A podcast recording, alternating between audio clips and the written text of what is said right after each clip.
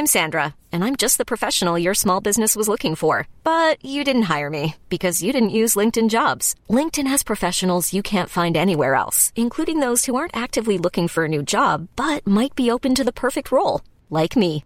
In a given month, over 70% of LinkedIn users don't visit other leading job sites. So if you're not looking on LinkedIn, you'll miss out on great candidates like Sandra. Start hiring professionals like a professional. Post your free job on linkedin.com/achieve today. Hans Petter og Co. presenteres av Adlink, sannsynligvis Norges beste samling av kreative og positive influensere innen sosiale medier og podkast. Gå inn på adlink.no for å finne frem til den influenseren eller den podkasten som er en perfekt match til din merkevare og publikum nå.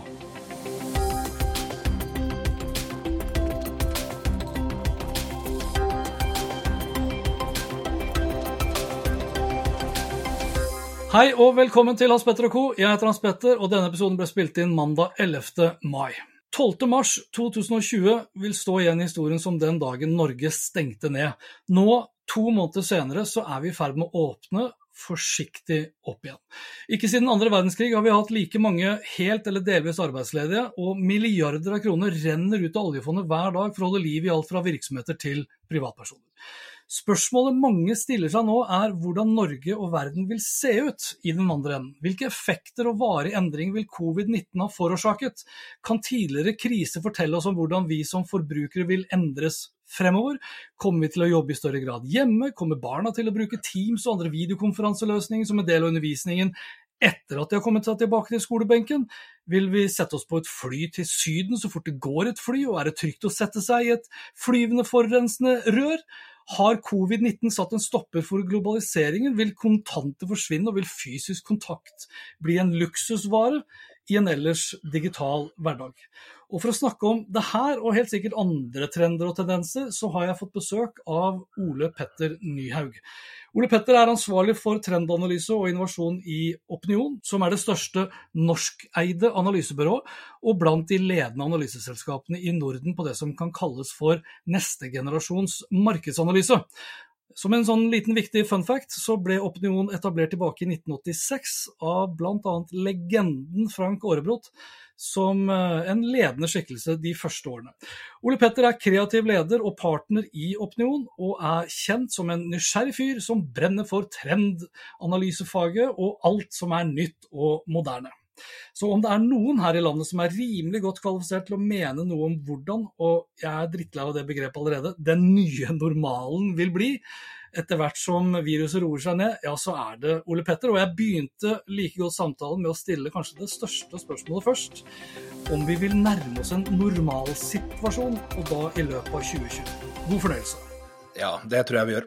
Og nå er ikke jeg noen medisinsk eh, ekspert, som var ganske åpenbart fra introen din. Så akkurat det vet jo ikke jeg eh, noe som veldig mye om mer enn andre, hva som skjer akkurat rent medisinsk og smittemessig. Men når det gjelder sånn folks holdninger, atferd og verdier, så skal vi jo inn på dette litt mer, mer i detalj, tenker jeg. Men uh, sånn generelt så tror jeg nok at de endringene som vi kommer til å se det neste året, kommer til å være antageligvis mindre enn det mange trodde eller frykta når vi sto midt oppi det for noen uker siden. Ja, jeg tror vi kommer nærmere enn normal i løpet av 2020. Ikke helt, ikke helt dit. Ok, og Da blir jo spørsmålet om den normalsituasjonen, om den da er basert på den gamle, eller om en normalsituasjon er da den nye normalen. For du skrev jo da eh, for noen uker tilbake om syv mer eller mindre varige endringer i norsk forbrukeratferd. Og jeg sier mer eller mindre, for noen av endringene som du tok opp var kortvarige, andre var middelsvarige, mens flere av de syv var jo da langvarige endringer. Altså endringer som du beskrev som vil påvirke forbrukermønsteret vårt, tillitsforhold til myndigheter, autoriteter og eksperter, eh, mer nasjonalisme, altså overgangen fra globalisering til det du da beskrev som lokalt fellesskap, og ikke minst da fra det analoge til det digitale.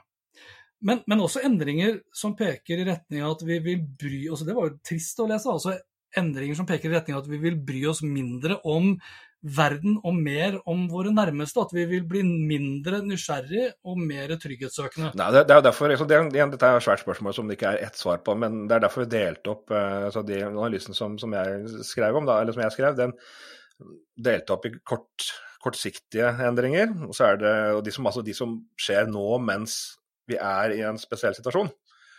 Og så er det da de mellomlangsiktige endringene som kommer til å sitte i kanskje et år, halvannet etter at vi har åpna opp samfunnet igjen. Og så er det de mer langsiktige endringene som kanskje kan bli varige over flere år. Så vi må skille litt mellom de, da. Og jeg tror at de kortsiktige endringene, det som vi merker eh, selvfølgelig alle på kroppen akkurat nå, det er jo det som handler om det vi ikke får lov til å gjøre lenger, altså reise f.eks. Eh, eller bevege oss eh, fritt rundt. Og det gjør jo selvfølgelig noe med, noe med atferden. Men jeg tror at det, alt det som handler om liksom mindre sosialisering, for så vidt også mindre reising, det er noe som vi kommer til å gå tilbake til sånn som det var før jeg tror folk har et, eller vet at folk har et grunnleggende behov for å være sammen, ikke minst etter at man ikke har fått være så mye sammen eh, på lenge. Så alt det som går på den sosiale distanseringa, sånn, det kommer nok til å være tilbake til det, til det gamle. Jeg tror også folk kommer til å reise igjen når det blir lov etter hvert, og når det blir trygt etter hvert. Det kommer sikkert til å være sånn at det er visse land man får lov til å reise til, og andre ikke. Og så er det da selvfølgelig dette med smitteverntiltak som kanskje kommer til å gjøre at vi kommer til å hilse på hverandre på en annen måte. ikke sant? Kanskje ikke klemme så mye, noe som er helt greit for meg. Jeg er ikke noen stor klemmer, så det er deilig å slippe å klemme, slippe å klemme alle, alle, random folk jeg møter på gata. Men altså, det, det, akkurat det, sånne, sånne, små detaljer som det, det tror jeg kommer til å endre seg. Det kommer til å være litt sånn, litt nye omgangsformer og hilseformer sånn i det bitte små. Men, eh, men de der, de der, det sosiale livet kommer nok til å gå tilbake ganske raskt.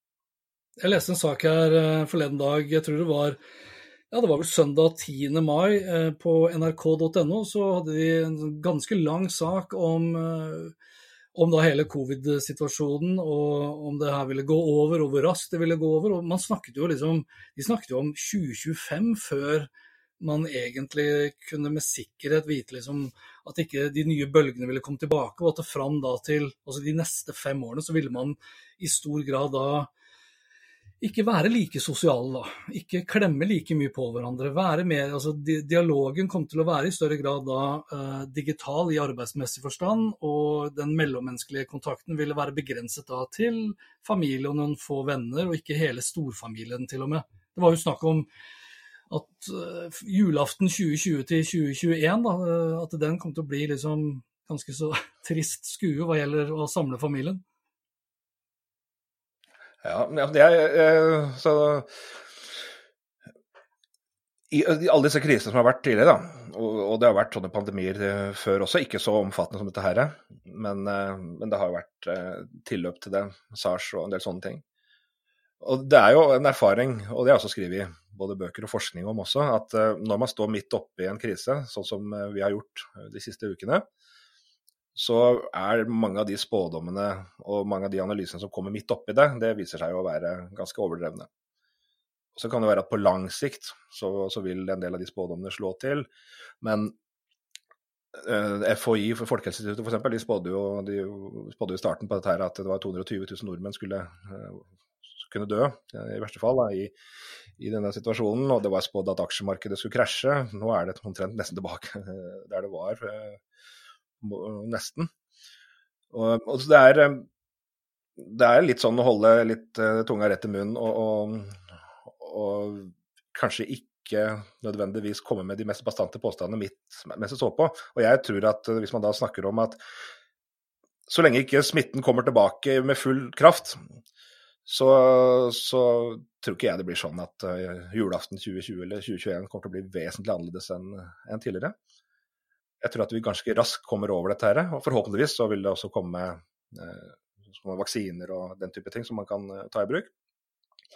Så jeg tror om et år, så, så hvis jeg skulle gjette, da, så, så, kommer vi til å sitte om et år, og så har vi eh, rimelig tilbake til der vi var, men med noen, noen, endringer. Det kan vi også komme tilbake til. For det ene, ene tingen som vil endres på sikt, det er jeg jo ganske sikker på er hvordan vi kommuniserer eh, med digitale kanaler. Hvis, hvis, jeg kunne valgt, så ville jeg jo møtt deg fysisk. Jeg ville jo møtt deg ansikt til ansikt. Jeg er helt overbevist om at uh, dynamikken i den samtalen her også uh, ville blitt bedre av å se hverandre, uh, frem, altså se hverandre på, på, ekte, fremfor da de her risikoelementene som ligger inne i det digitale når det kommer til tidsforsinkelser osv.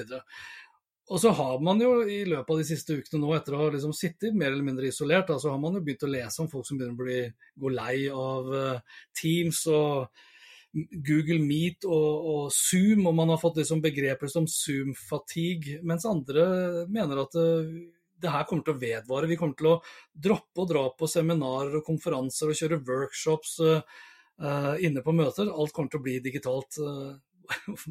Har du noen formening, eller det har du helt sikkert, da. Hvilke, hvilke tanker har du da om uh, overfloden av webinarer? Nei, jeg tror, jeg tror, ikke jeg kommer til å erstatte fysiske møter. Det tror ikke jeg heller.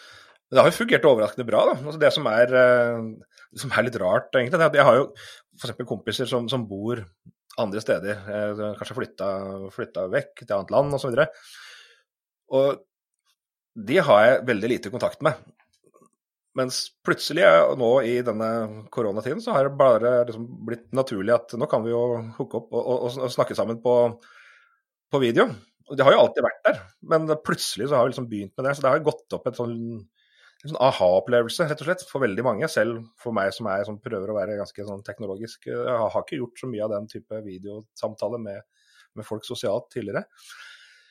Så, så, det har som vært en aha-opplevelse, tror jeg, for mange. Og at det er veldig mange som har skjønt at uh, det er mye enklere og mindre komplisert enn det man trodde. Og at det funker veldig greit, sparer en del tid og sånt. Så jeg tror, jeg er nesten sikker på at dette vil sette varige spor i hvordan vi gjør møter og og kanskje hvordan vi snakker sammen sånn med venner og familie også. Men det kommer ikke til å erstatte det sosiale. Men det er klart, det er mange, jeg tror det er mange arbeidsgivere som sitter og tenker at hvor mye kontorplass trenger vi egentlig, ikke sant? For de har sett at det har fungert eh, relativt eh, greit.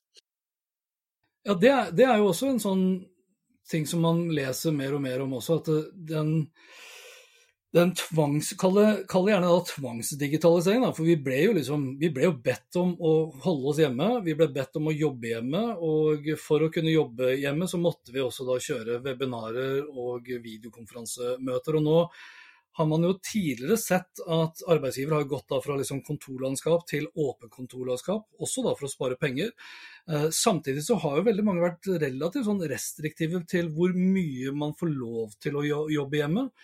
Mens den nye normalen der, hvis vi skal bruke det begrepet, kommer vel antakeligvis til å bli at eh, det blir nærmest en forventning fra arbeidsgiver, og ikke en, et krav fra arbeidstaker. Ja, det kan nok være, i hvert fall for de som er så heldige, de av oss som er heldige slash uheldige og kunne jobbe hjemme. Men Men det er, det er, jo, det er jo grense for, for, hvor mye man har lyst til å jobbe hjemme også. Da. Man har jo visst behov for det, for det, sosiale. Men jeg tror at det, det er gått overraskende bra. Det er jo det, som egentlig er, er, nesten mest interessant sånn, i sånn faglig sett i den perioden vi har vært gjennom, det er jo hvor ekstremt omstillingsdyktige vi har vært som, som individer. Og, og ikke, bare som, ikke, bare som, samfunn og befolkning, men altså som, eh, som individer. Altså det, det, har vært for mange en nesten uoverstigelig barriere. Bare dette med å ta videomøter, f.eks. Det var helt uaktuelt for meg. For to måneder siden, eller det, tre måneder siden, da, var det helt uaktuelt for meg. Og jeg tenkte ikke tanken engang på at jeg kunne snakke med, med en kompis i, i USA og, og, sitte og ta en øl på skjermen. men, men, nå så er det helt altså Vi gjør undersøkelser hver eneste dag da, Norsk koronamonitor heter det, i Opinion, og spør om masse ting rundt, rundt hvordan folk responderer på denne, denne tiden. Og ganske tidlig, etter første to ukene allerede, så var det fire av ti som hadde hatt, eh, hadde hatt videomøter eh, med enten jobb eller venner. Omtrent halvparten av de, altså rundt 20% av befolkningen, allerede etter to uker, hadde hatt en sosial sånn type ta en pils eller vin eller noe sånt med venner på, på video.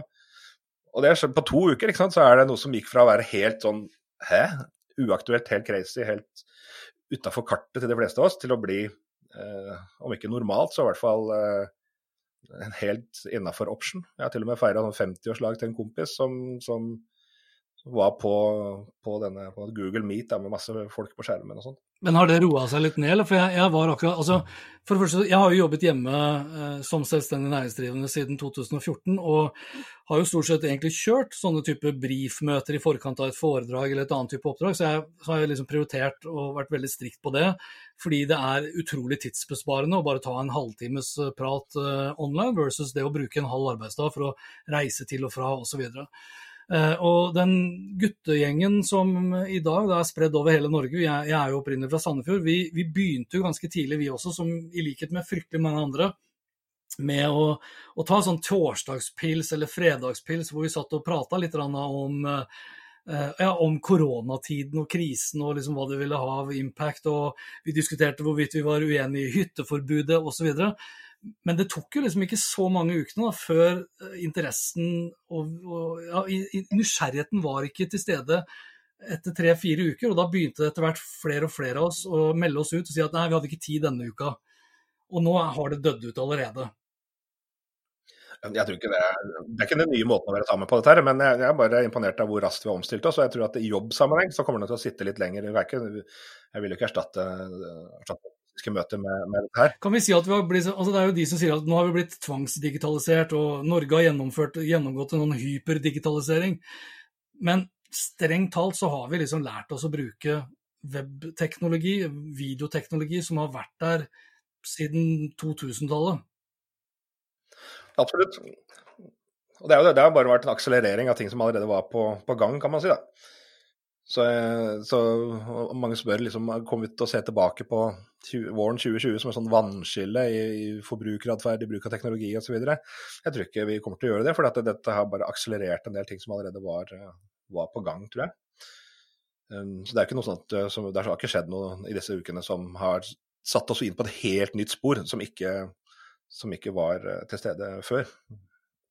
Nei, og det er jo det er liksom pussig. Altså, stort sett så, så, skapes jo de største endringene når vi absolutt må, altså da gjennom kriser. og det her er jo et glimrende eksempel også da, på, på denne omstillingen, som på ingen måte har vært frivillig. Jeg, jeg bandt meg fast i Eh, meg fast i en setning du hadde i den artikkelen som var da 'handling fører til holdning'. Og stort sett så har vi jo liksom i kommunikasjonsøyemed så har man alltid hørt om det motsatte. Vi har kjørt holdningskampanjer fordi vi ønsker nye eh, handlinger. A lot can happen in three years, like a chatbot may be your new best friend. But what won't change? Needing health insurance. United Healthcare Tri Term Medical Plans, underwritten by Golden Rule Insurance Company, offer flexible, budget friendly coverage that lasts nearly three years in some states. Learn more at uh1.com. My business used to be weighed down by the complexities of in person payments. Then, Tap to Pay on iPhone and Stripe came along and changed everything. With Tap to Pay on iPhone and Stripe, I streamlined my payment process effortlessly. Now I can accept in person, contactless payments right from my iPhone. No extra hardware required.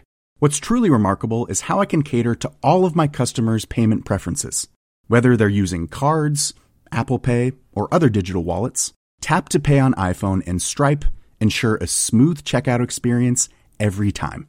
And it's not just me. Stripe helps businesses of all sizes, from local markets to global retailers, scale quickly and stay agile. To learn how Tap to Pay on iPhone and Stripe can help grow your revenue and reach, visit stripe.com slash tap iPhone.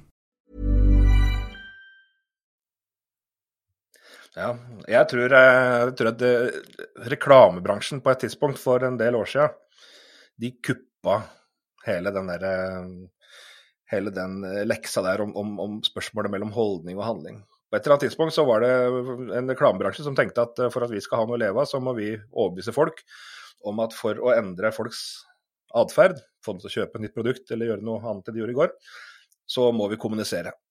Eh, men det er ikke riktig. Altså, nå er det jo selvfølgelig ikke enten-eller her.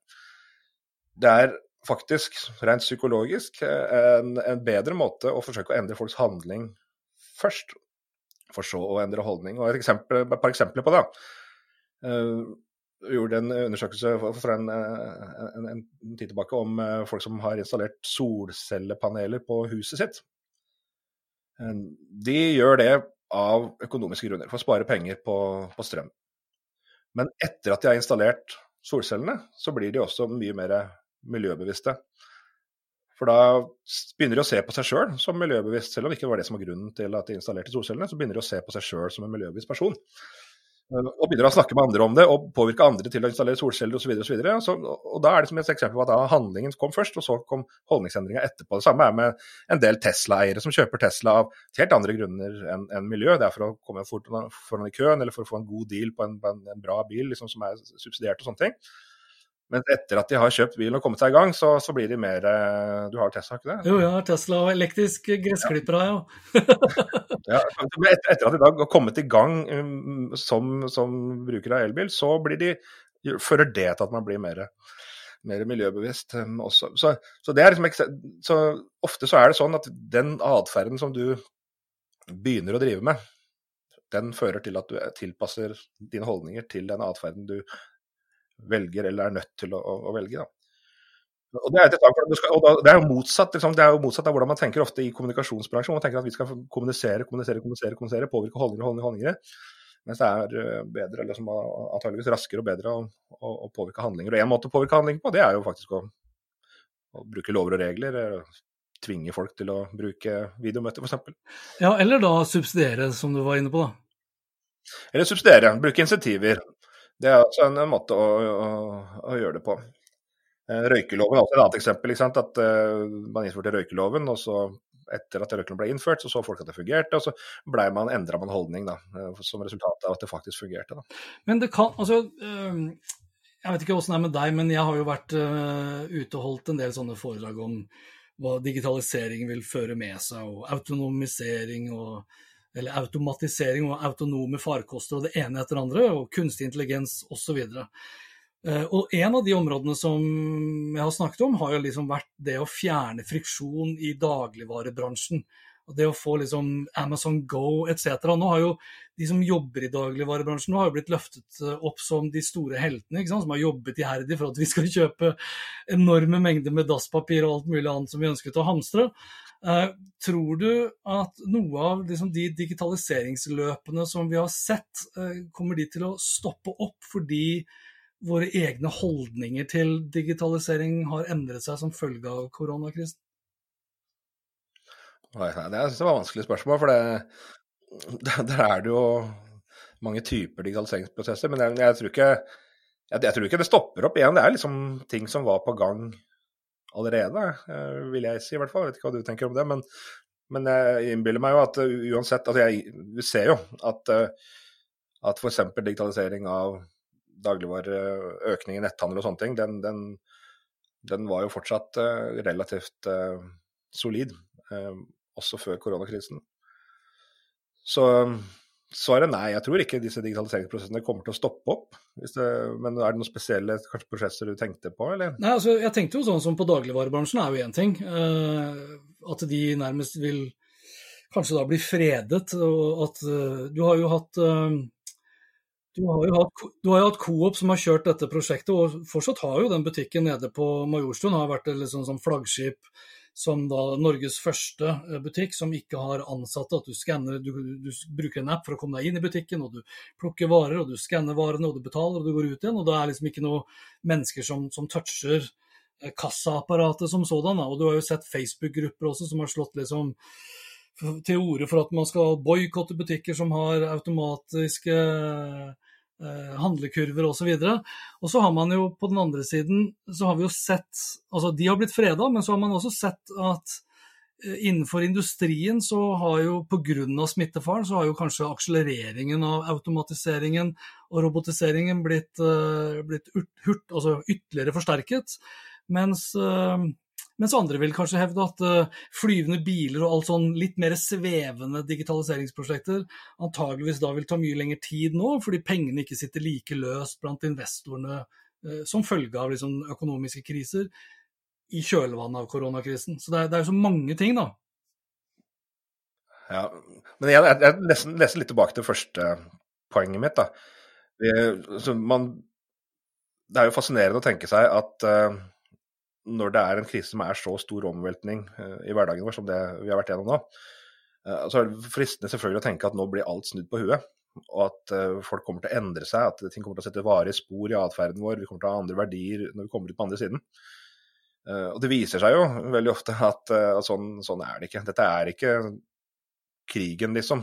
Hvor, var, hvor de var gjennom fem år med, med, med andre verdenskrig, hvor, som satte spor i en hel generasjon hvor, hvor, de som da opplevde krigen, har måte, hatt det med seg i, i sin atferd gjennom alle år, kanskje mer sparsommelig og altså en del sånne type ting. Uh, dette er ikke det samme, mener jeg, da. Vi, vi har hatt en relativt kort periode. Det har vært mange som har vært tragisk ramma, både helsemessig og eh, økonomisk, gjennom å miste jobben. Eh, men det er jo lov å håpe på, nå vet jo ikke jeg ennå hvordan dette kommer til å ende, men, men, det er lov å håpe på at de fleste kommer seg gjennom dette OK, og at de fleste får jobben tilbake igjen. Og også at staten har evne til å bære, bære de ekstra kostnadene som kommer nå en, en, en periode framover. Så sånn sett så, så, så, er ikke jeg blant de som tror at vi kommer ut på andre enden. Nå høres jeg sikkert både kynisk og, og kanskje litt, uh, litt, kjedelig ut, men, blant, men det er jo litt av erfaring jeg snakker òg, da. Jeg er ikke blant de som tror at dette her kommer til å være noe sånn dypt veiskille i, i folks holdninger og, og atferd. Okay. Jeg, jeg, tror at uh, noen ting kan ha blitt akselert. Altså, jeg leste om f.eks. i Belf, eller, ja, Irland, om det var Dublin eller Belfast, husker, husker ikke. Så hadde de fått gjennom uh, hastevedtak om uh, for å tillate dronelevering av mat, f.eks. Og i Austin, Texas, så hadde de også hatt, kommunen hatt hastevedtak eh, knytta til, eh, til sånn, autonome biler som leverer netthandelspakker. Så det er noe som kanskje har, eh, har akselerert digitaliseringen, når man har tatt den type beslutninger kjapt for å møte en, en akutt situasjon. Men igjen, eh, nå begynner jo da å kanskje normalisere seg litt igjen, og da tenker jeg vi er tilbake til normalt på veldig mange områder. Men det som er interessant, som kanskje er, er, er liksom spennende å se, det er hvor stor spor setter det hos den yngre generasjonen, de som ikke har opplevd en nedgangstid. Altså, du har folk som er helt opp til 35 år nå, som aldri har opplevd eh, en reell utrygghet eller en økonomisk krasj av no, av noe substans. De er kanskje høyt belånt, de har tenkt at dette her er som no worries. Jeg lurer på hva som, som Om kanskje de eh, merker dette litt, eh, og kanskje blir litt mer forsiktige med forbruket, kanskje sparer mer penger blitt mer utrygge, velger litt tryggere yrker, utdanning osv. Som resultatet for til nå ser at uh, oi, det er ikke alt som vokser i himmelen, det kan skje ting. Ja, ja altså, det er, jo, det er jo så sammensatt der. For blant annet når du skriver at vi kommer til å f.eks. bli litt mindre utagerende og, og, søke mer til det lokale, eh, vi blir mindre kanskje enten frivillig fordi, fordi vi har blitt så ganske hardt ramma, kall det økonomisk, da, så så vil vi da eh, feriere nå, eh, mer eller mindre ufrivillig i Norge, og samtidig slå oss på brystet og si at vi er solidariske og støtter liksom det, det, lokale og, og, og reiselivsnæringene etc. Men hvis, hvis, hvis, det blir mer eller mindre nå litt mer fokus på det, det nasjonale, kall det nasjonalisme, da, for det er et forferdelig ord egentlig, men det motsatte av globalisering, at vi da i mindre grad kommer til å hente inn billig arbeidskraft fra utlandet fordi vi da enten ikke kan det, eller at vi, vi har mange arbeidsledige, eh, så vil jo altså det vil jo kanskje føre til at vi får et smalere vareutvalg, det vil kanskje føre til at priser på produktene våre blir høyere. Samtidig så kan det godt hende at eh, velferden blir sånn sett da litt mindre altså litt mer usikker. Eh, får vi da på toppen av det hele, som du har vært inne på, mindre tillit til myndigheter og autoriteter, økende polarisering på toppen av det og økende fremmedfrykt, så, så virker det jo liksom ikke som det er så varmt da, i, eh, i den andre enden av tunnelen, selv om det er lys der. Ja, det er, det er, jo litt om, det jo litt hvilket perspektiv man har på det. For det, jeg, det jeg skriver om, og det du viser til nå, det er at det er jo ganske mange som, som, som, tror, og i hvert fall håper, at denne situasjonen skal føre til mer kanskje globalt fellesskap og samarbeid mellom land, fordi vi nå er i samme båt alle sammen i hele verden, og at vi ser at løsningene må være globale, ikke lokale. Og så kanskje trekker man noen, noen koblinger over mot klimaspørsmål også. Mm. Um, men jeg tror ikke at um, jeg, jeg er kanskje litt mer heller mot at dette kommer til å, å ha en i hvert fall på middelsikt, kort til middelsikt, litt, nesten litt omvendt uh, funksjon. For vi har jo sett vært gjennom den krisen nå, hvor vi har hørt om mange land som har håndtert det på ulik måte. Det ene landet gjør det, det ene landet, andre landet gjør det sånn. Så man er ikke enige om hva som er den beste responsen. Noen ekspertmiljøer sier det ene, noen ekspertmiljøer sier det andre. Uh, og så er det noen land som er langt framme i kurven, og andre som ligger bak i kurven med tanke på smittespredning og hvordan det er håndtert.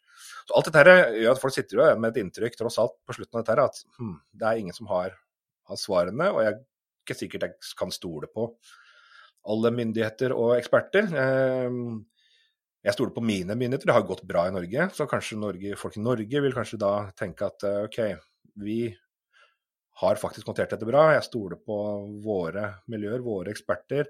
Og det er viktig at vi som har håndtert det bra, eh, kanskje da sikrer oss sjøl best mulig. Med tanke på egen matproduksjon, med tanke på nasjonal beredskap. Eh, med tanke på liksom å bygge motstandsdyktighet mot, eh, mot, legemiddelmangel og alt sånne type ting. Og det kan føre til det du er litt inne på, at produkter kan bli dyrere fordi at det skal produseres større grad her. Og kanskje da også i mindre volum. Og det kan også føre til at ja, den eh, Senterpartibevegelsen som allerede har vært uh, sterk, vil styrkes fordi at folk ønsker å ta vare på, uh, på det nasjonale. Og I tillegg så har du denne greia med, med, med, å holde grensene mer eller mindre stengt også blitt veldig aktuelt nå, i og med at man ikke kanskje vil ha inn folk fra alle deler av verden da, med tanke på smittefare og sånne ting.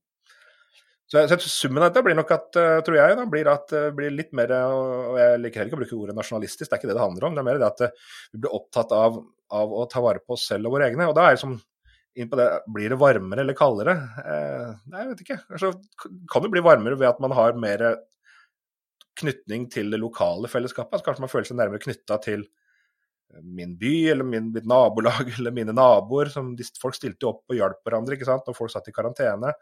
Naboer som handla for deg. Eh, folk begynte å bry seg om hvordan andre hadde det. Så det kan jo godt tenkes at det også har en sånn effekt det blir varmere, men lokalt og nasjonalt. Og så er det kanskje noen som ikke, ikke tenker at det er bra.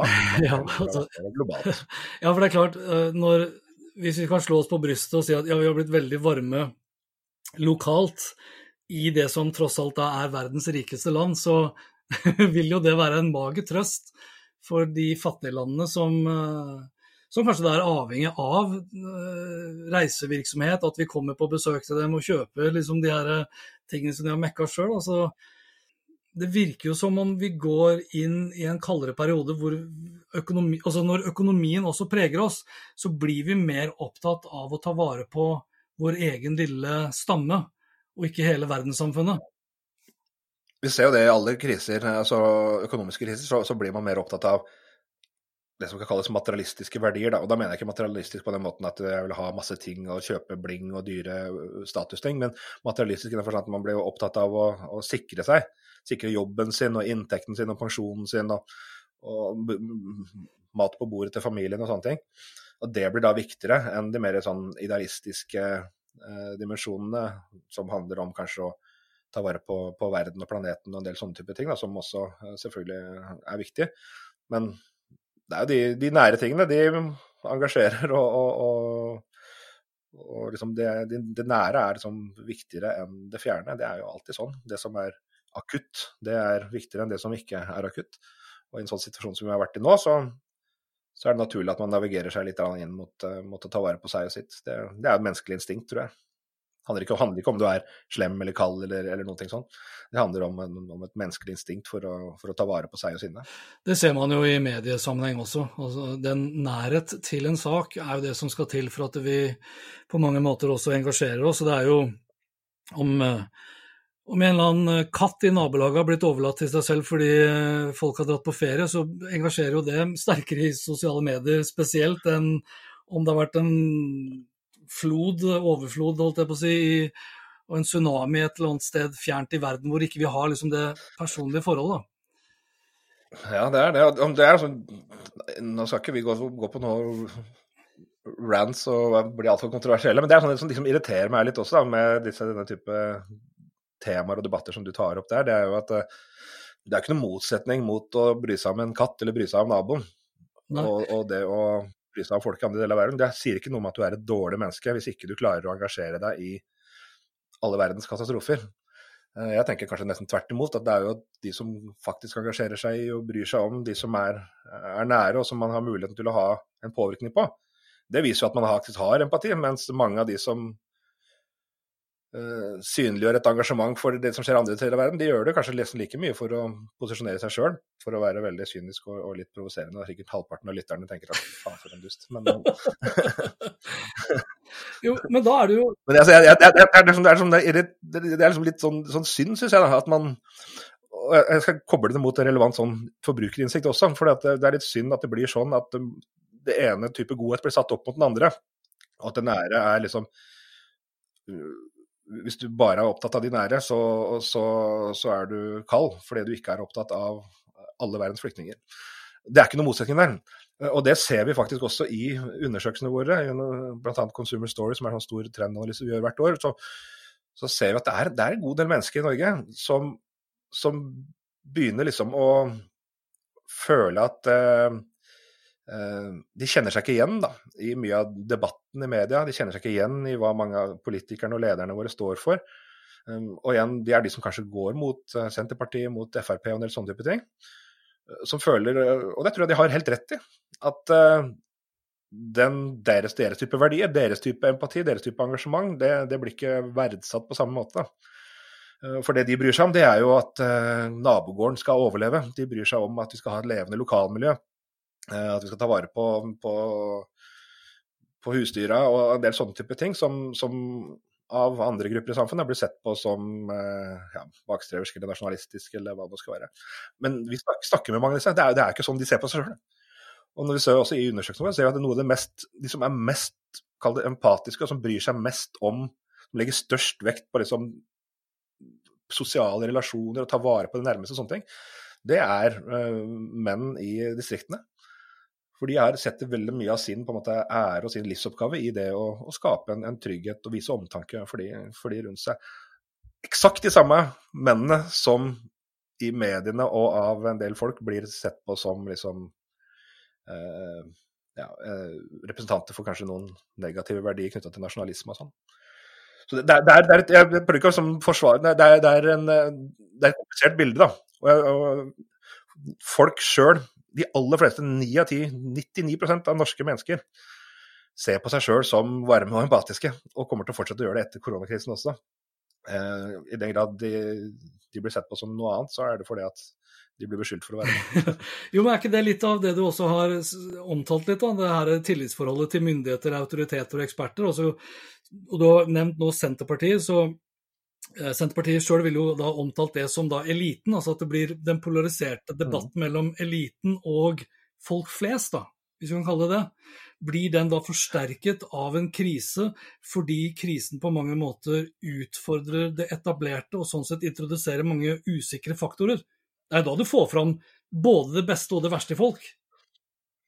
Ja, det er superinteressant. Altså, for det, det er, du er inne på noe. For jeg, jeg, jeg mener at uh, nå, nå, er jo tillitsnivået veldig høyt, og det ser vi også i våre løpende undersøkelser. koronamonitoren, At eh, aller fleste nordmenn, alle grupper alle steder i landet, har tillit til måten myndighetene har håndtert dette på. Og Det har jo vist seg å, å, å være smart, for det har vært en god håndtering, mener de fleste.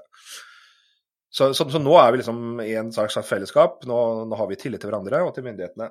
Men samtidig så tror jeg også at um, vi ser jo også at grunnen til at man har tillit, til myndighetene i denne situasjonen, det er jo at de har vært ærlige på alt de ikke veit. Det er masse usikkerhet. ikke sant? Er, noen ganger følger man rådene til Folkehelseinstituttet, noen ganger gjør man det ikke. og man, har, man, begrunner hvorfor man ikke gjør det.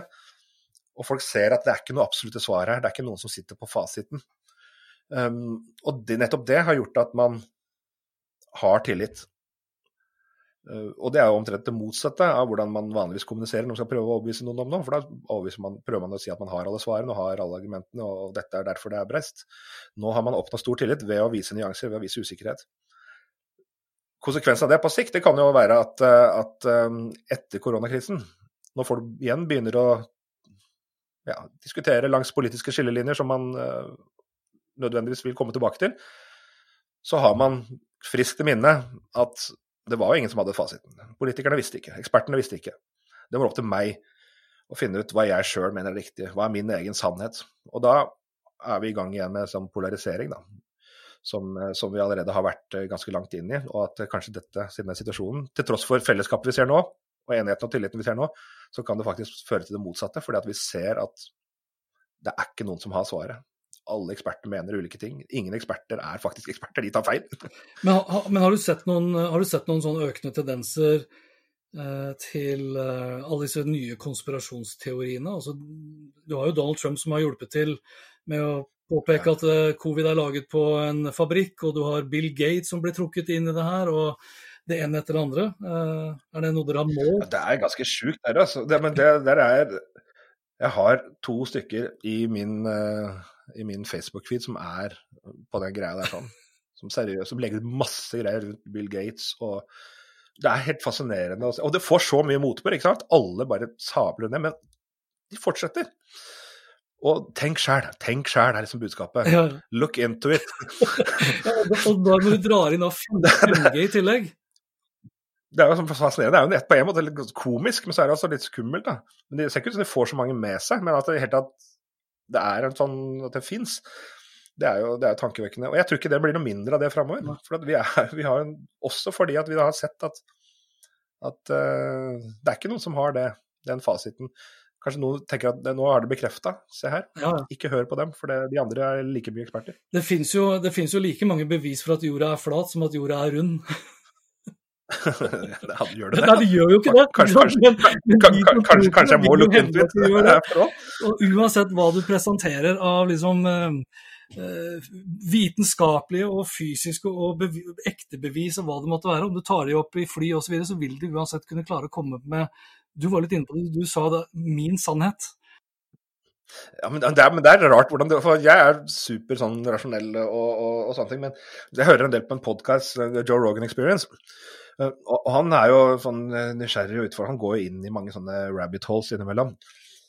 Og da var det en, en, periode for to år siden, tror jeg, hvor jeg faktisk jeg, var, jeg må innrømme, jeg var nedi med ene hånda og begynte å tvile på om vi hadde vært på månen. det var så mange argumenter der, at, og så begynte jeg å sjekke, begynte jeg å look into it. da. Og så fant jeg Men satan, det stemmer jo, det der. Hvorfor blei de teipene borte, egentlig?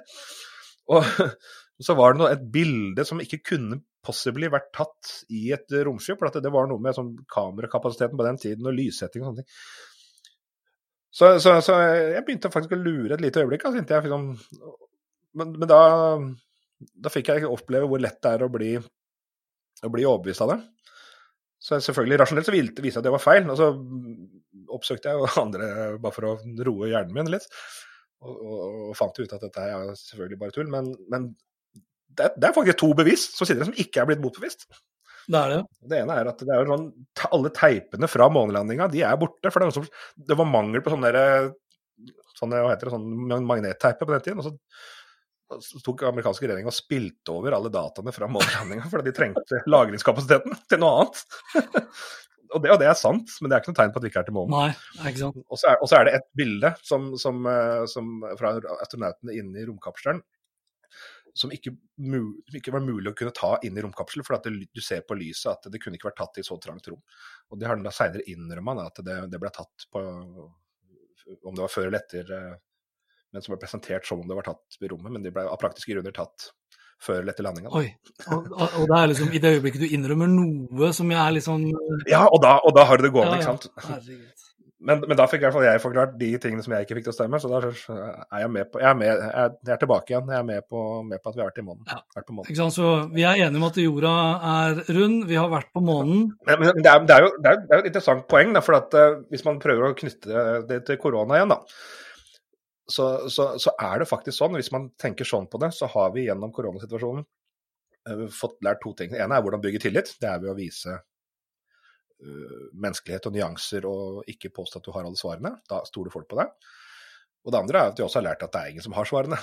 Så, så, så alle eksperter kan ta feil. Så det kan jo bli enda mer utfordrende framover å skape en sånn konsensus om vi er på mannen eller ikke.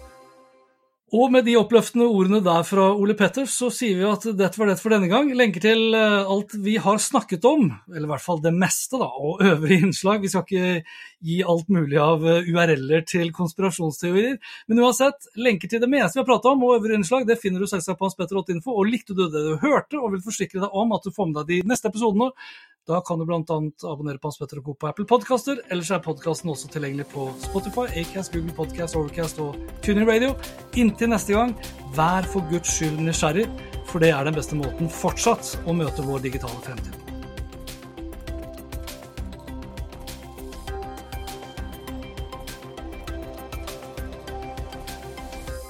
Hans Petter og Co. presenteres av Adlink, sannsynligvis Norges beste samling av kreative og positive influensere innen sosiale medier og podkast. Gå inn på adlink.no for å finne frem til den influenseren eller den podkasten som er en perfekt match til din merkevare og publikum nå. Hei. This is Craig Robinson from Ways to Win, and support for this podcast comes from Invesco QQQ. The future isn't scary. Not realizing its potential, however, could be. Just like on the recruiting trail, I've seen potential come in many forms as a coach. Learn more at Invesco.com slash QQQ. Let's rethink possibility. Invesco Distributors, Inc. My business used to be weighed down by the complexities of in person payments. Then, Tap to Pay on iPhone and Stripe came along and changed everything. With Tap to Pay on iPhone and Stripe, I streamlined my payment process effortlessly. Now I can accept in person, contactless payments right from my iPhone. No extra hardware required. What's truly remarkable is how I can cater to all of my customers' payment preferences. Whether they're using cards, Apple Pay, or other digital wallets, Tap to Pay on iPhone and Stripe ensure a smooth checkout experience every time. And it's not just me. Stripe helps businesses of all sizes, from local markets to global retailers, scale quickly and stay agile. To learn how Tap to Pay on iPhone and Stripe can help grow your revenue and reach, visit stripe.com slash tap iPhone.